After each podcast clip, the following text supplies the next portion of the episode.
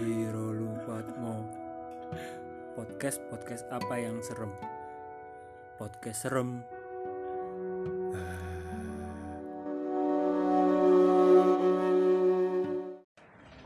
Assalamualaikum warahmatullahi wabarakatuh.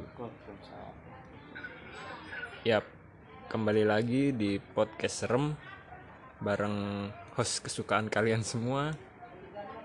Saya Johan Dan kali ini saya tidak sendiri Saya ada teman saya Yang bernama Perkenalkan nama saya Rialdo Mirza Ardianta, panggil saja Brudo. uh, Mas Brudu. Nah kali ini kita mau membahas tentang segmen Segmen terbaru yaitu Bicara Bisnis. Bicara Bisnis, ayo. Nah karena jadi sebenarnya saya punya passion saya pengen punya keinginan itu membuat sebuah usaha karena itu saya uh, ingin menginterview menginterview salah satu pengusaha muda CEO ternama yang ada di wilayah Krian Sidoarjo.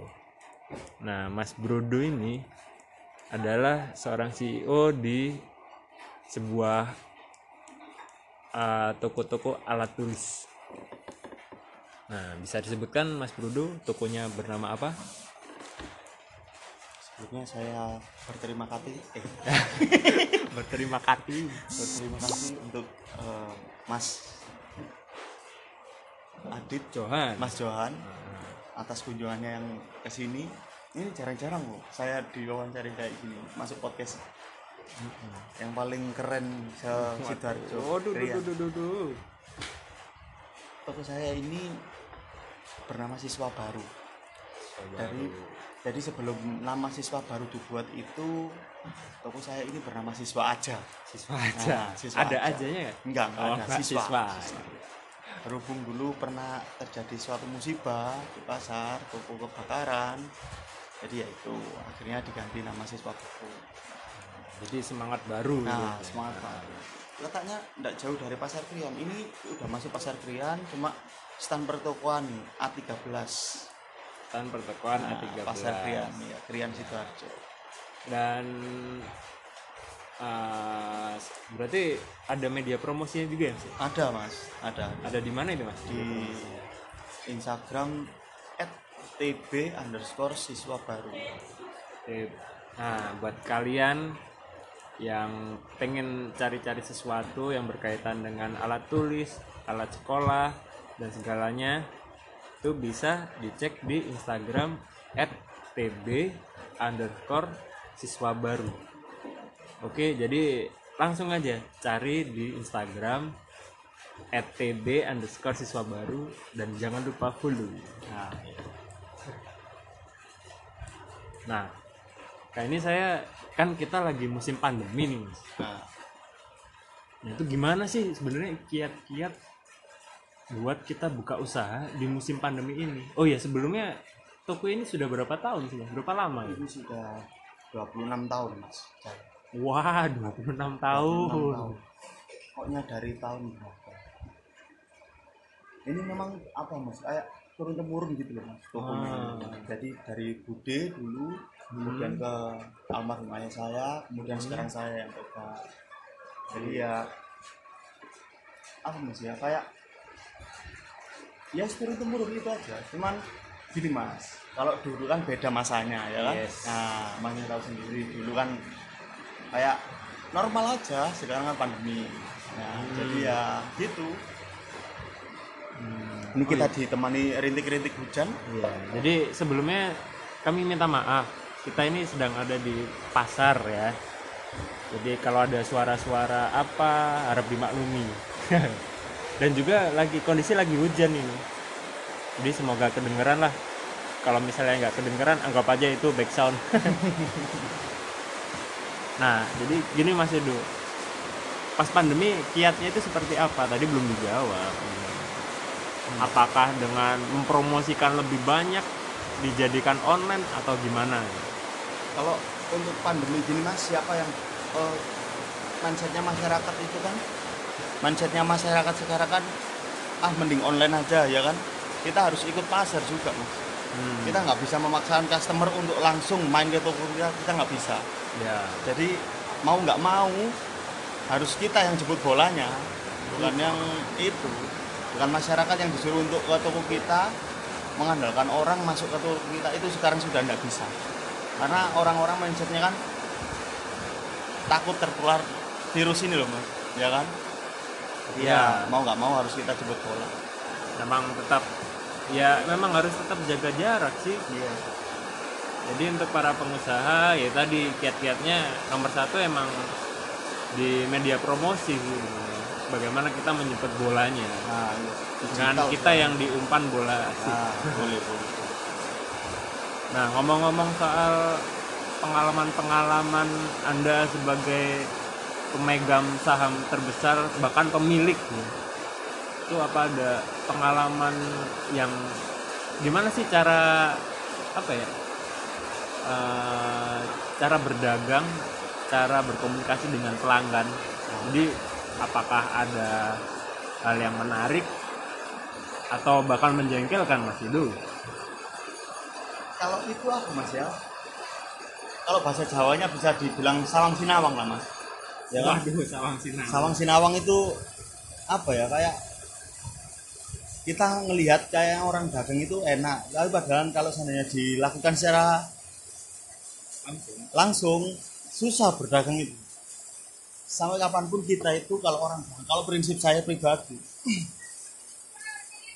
apalagi di tengah pa- pandemi kayak gini kita nggak bisa memaksakan customer. Kita nggak bisa memaksakan customer. Kalaupun kita bisa memaksakan itu apa ya hasilnya mungkin ya pemasukannya itu itu aja jadi kita harus langsung lebih bekerja bekerja keras lagi lebih semangat lagi. Nggak nggak sesantai dulu lah intinya. Kalau dulu kan enak tinggal tahun 2018 eh 2017 18 itu masih enak-enaknya masih normal tapi sekarang harus digembleng lagi badannya kayak seperti buka toko baru awal awal Nah. awal lagi kita nggak bisa ikut ikut apa ya misalnya kayak dulu nggak bisa nggak masih ada telepon Oh ya. Jadi mungkin di stop dulu ya sebentar ya. Kita break dulu iklan. Ya. Aduh lali. ini aja deh. Kita bahas ini aja. Eh, hal-hal seru.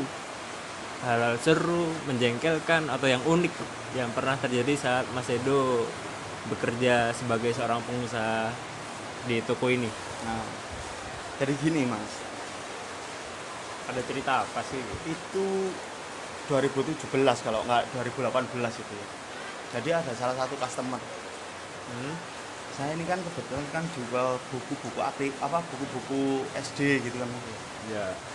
kalau SD ada yang namanya buku SD itu buku tema jadi kelas 1 tema 1 sampai 10 Hmm. nah intinya itu jadi ada ibu-ibu masuk ke sini bilang kalau mas saya mau cari buku tema udah udah lengkap mas itu mas udah lengkap itu 1 sampai 10 itu terus ibunya oh ya mbak ini harganya sekian harganya sekian sekian sekian. Udah mas tak kasihkan. Tapi memang sebelum orangnya pulang itu dia sedikit kayak ragu gitu mas tentang Hmm. harga ya kan? Biasa kalau kalau di pasar itu harga selalu. Akhirnya itu singkat cerita deal dia itu mau beli berapa buku? Lima itu lima buku lima buku dibawa pulang. Nggak lama kemudian dia balik mas. Dia balik bilang kalau harganya terlalu mahal katanya gitu. Kalau mahal mas kok nggak kayak toko sebelah bilang gitu. Ini saya merasa kayak orang satu krian ini kalau pulaan itu ya satu tempat tapi di Surabaya gitu loh mas. Jadi kan paling enggak itu kan apa mas ya? Harga itu kan harus sama kan? Hmm. Di daerah krian gini kan lah itu kesepakatannya itu harganya 25 lah orangnya itu bilang kalau toko saya ini kemahalan oke singkat cerita tak kembalikan u- apa uangnya bukunya tak saya ambil. Katanya dia itu aku mas punya langganan yang lebih murah bilang gitu. Oh iya bu silakan. Berarti kan saya mikirnya kan itu bukan pasar saya saya kan gitu dapat dua hari balik lagi ibunya mas. Cari buku tema itu tadi ya bukannya apa gimana bukannya nggak bisa menjual atau apa. Soalnya saya takut nanti dikembalikan lagi gitu loh mas. Akhirnya ya itu. Padahal stok masih banyak saya bilang ke ibunya habis. Nah itu mas. Orangnya tak suruh nyari ke Gramedia. Nyari-nyari di toko-toko kirian sini pada habis semua. Sedangkan stok saya masih banyak. Jadi setiap item ada ada dua ada dua ada dua gitu itu mas dua hari setelah itu balik lagi. Sorenya ada beli buku ada orang yang beli buku tema. Tak kasih mas 1 sampai 5 itu tak kasih.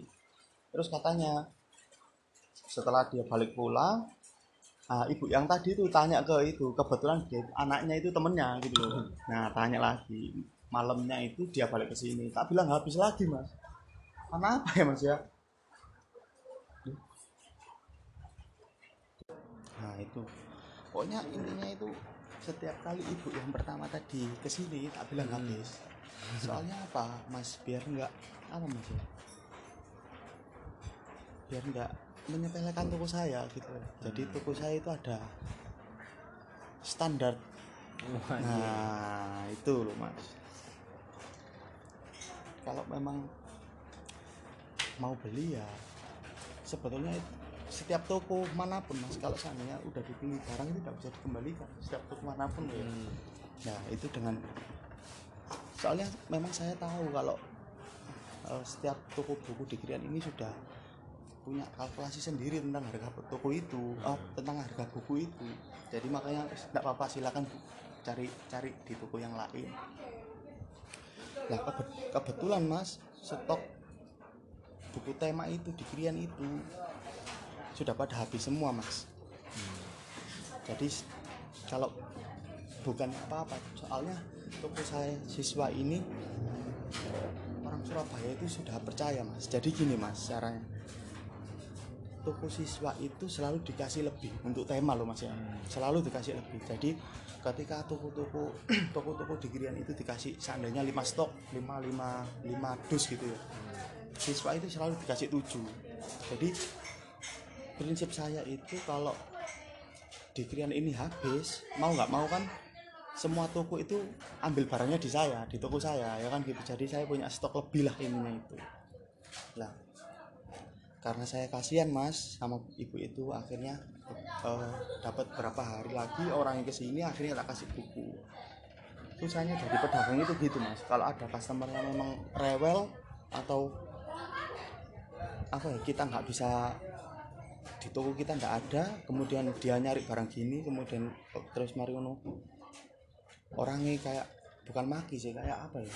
Aduh nggak lengkap gitu loh intinya mas. Nah kayak gitu. Ya itu musuh sebenarnya bukan musuh sih kayak apa ya? Kayak apa ya? Memang harus sabar sih iya memang bener oh, sabar satu sama mental mas. Buan. Apalagi kita apa cari rezekinya di pasar ya. Pasar kan banyak orang-orang yang aneh-aneh kan mas. Jadi ya gitulah mental terutama. Jadi sebenarnya kiat-kiatnya juga yang pertama sabar jemput bola. Ya. Dan juga kalau ada customer yang rewel awalnya harus sabar nah. tapi kalau sudah berlebihan. Berlebihan. Bolehlah dikerjain sedikit-sedikit. Intinya ibunya tadi kan dapat kan barangnya.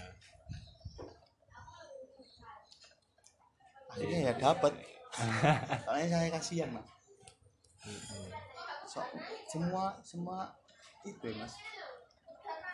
I- hanya ibu itu yang yang apa namanya standar harganya itu katanya bilangnya ke aku itu 23 sedangkan dibandingkan sama toko-toko lain 25 semua.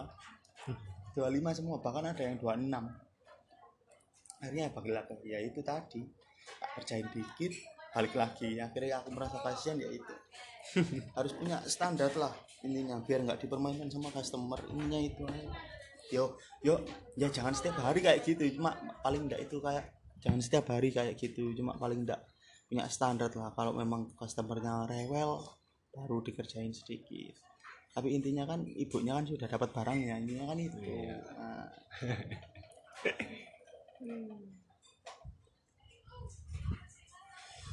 terus ada lagi nggak kejadian kayak orang gila beli atau gimana? sering kalau itu mas sering sering itu mas. Bahkan ada orang orang gila itu. Ah, saya baru per saya baru pertama kali jualan itu ya itu mas dikerjain dulu waktu masih almarhum ayah masih Hmm. saya dulu pertama kali masuk toko itu ya itu mas ada orang botak gitu. Tanya undang-undang. Pokoknya dia itu setelah setelah saya lama di sini Hmm. dia itu kalau ke sini selalu tanya undang-undang. Nggak tahu mas itu buat apa. Kadang kadang ada gitu orang ke sini mas ada undang-undang itu terus mas. Hmm. setiap minggu itu ada empat kali mungkin. Kalau nggak undang-undang ya tanya jus amma Apa? ya itu. Terus sering mas. Pokoknya di pasar itu ada orang aneh-aneh lah. Dia itu kan bisa sabar mental. Undang-undang. Terus sampai jawab apa pas pertama kali ya itu mas. Saya kasihkan. Ternyata dia nggak beli. Minta ternyata. Oh ya wis nggak apa-apa bawaan lah terus ada yang bilang itu ag- agak error itu orangnya bilang gitu. Ya itu mulai dari situ aku wis menyimpulkan lah ada orang itu ya cuma oleh undang-undang nggak bilang gitu malah aku yang ini yang berusaha nganu. Jadi dia nggak ngomong duluan aku sih ngomong oleh undang-undang. Akhirnya dia pergi langsung. Itu mas. Pokoknya macam-macam lah mas. Kadang ya namanya di pasar kadang ada yang lucu ada ada yang greget mas. Macam-macam mas ininya mas mas Johan. Kalau mas Johan ini apa? Selain bikin podcast gini kesibukannya apa mas wah saya kerjaannya cuma bikin podcast mas. Ya nggak apa nggak nggak ada duit ya proses mas. Nah Proses kalau saya dulu pernah mencoba untuk usaha cuma gagal. Ya mungkin karena dulu saya buka usaha itu juga pasarnya belum ada. Iya. Karena keegoisan semata sih. Jadi ya ya tadi makanya saya belajar dengan Mas Ido sekarang. Ya sama-sama belajar mas. Nanti ya, tak, tak doakan bisa bisnis lagi bisa amin. lagi ya bikin Amin. jadi seperti itu sih sebenarnya. Gak jelas juga sih sebenarnya kita ngomong apa mas? Bisnisnya apa dulu mas? Dulu saya bisnis susu segar mas. Oh susah susu segar susu sapi lo ya. Dulu bukan susu itu- yang lain ya. dulu itu saya pernah mas apa sih namanya? Bonus apa gitu loh. Ya itu punyanya orang ganteng